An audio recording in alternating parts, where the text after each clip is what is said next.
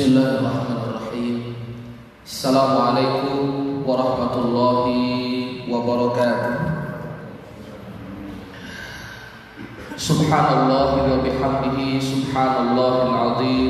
Adada khalqihi wa ridha nafsihi wa sinata arshihi wa midada kalimatihi. Ashhadu an la ilaha illallah wahdahu la syarika lah. Wa ashhadu anna muhammadan abduhu wa rasuluh.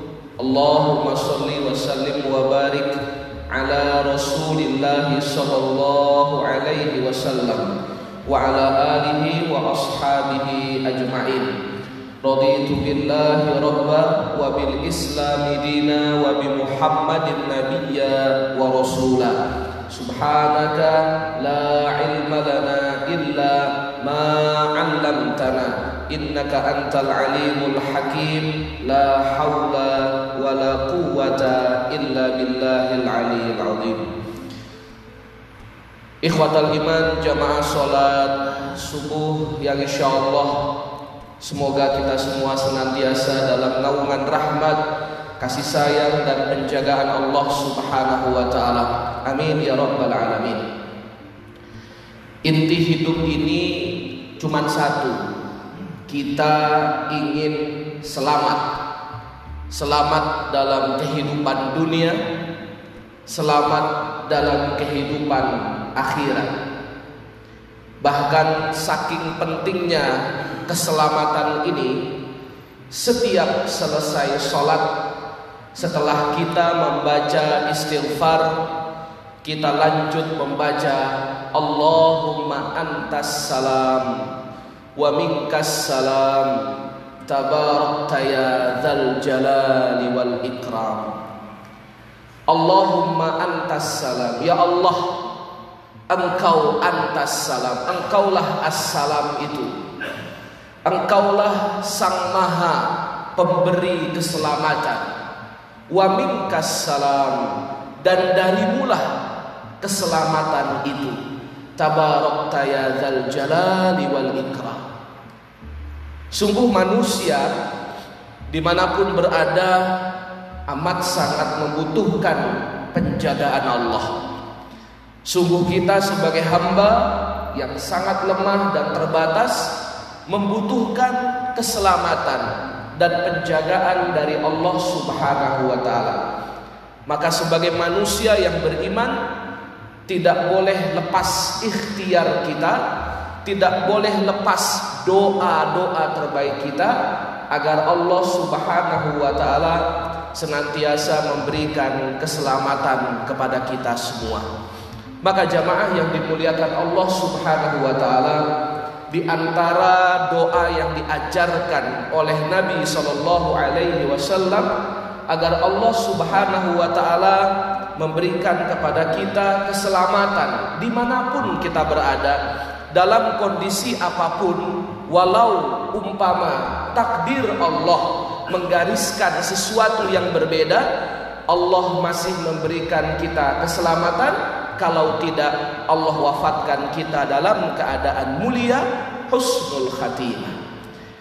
Di antara doa yang diajarkan Nabi Shallallahu Alaihi Wasallam kepada kita dan insya Allah kita semua sudah menghafalnya, insya Allah kita semua sudah mengamalkannya, yaitu doa ketika kita keluar dari rumah. Rasul Shallallahu Alaihi Wasallam mengajarkan doanya ada tiga poin dalam doa itu. Yang pertama Bismillahirrahmanirrahim yang kedua, tawakkaltu 'ala Allah. Yang ketiga, la haula wala quwata illa billah. Bismillahi tawakkaltu 'ala Allah.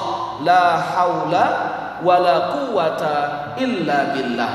Doa ini hendaknya dibaca dan diajarkan kepada semua anggota keluarga kita kemudian diamalkan setiap kali kita keluar dari rumah apa kata Nabi Shallallahu Alaihi Wasallam siapa yang membaca doa ini ketika keluar dari rumah maka Allah akan berikan lima perkara kepada dia satu hudita Allah berikan kepada kita petunjuk sehingga dalam kita menjalani hari tersebut ketika kita keluar dari rumah menuju sebuah titik, sebuah tujuan, Allah beri petunjuk agar tidak tersesat.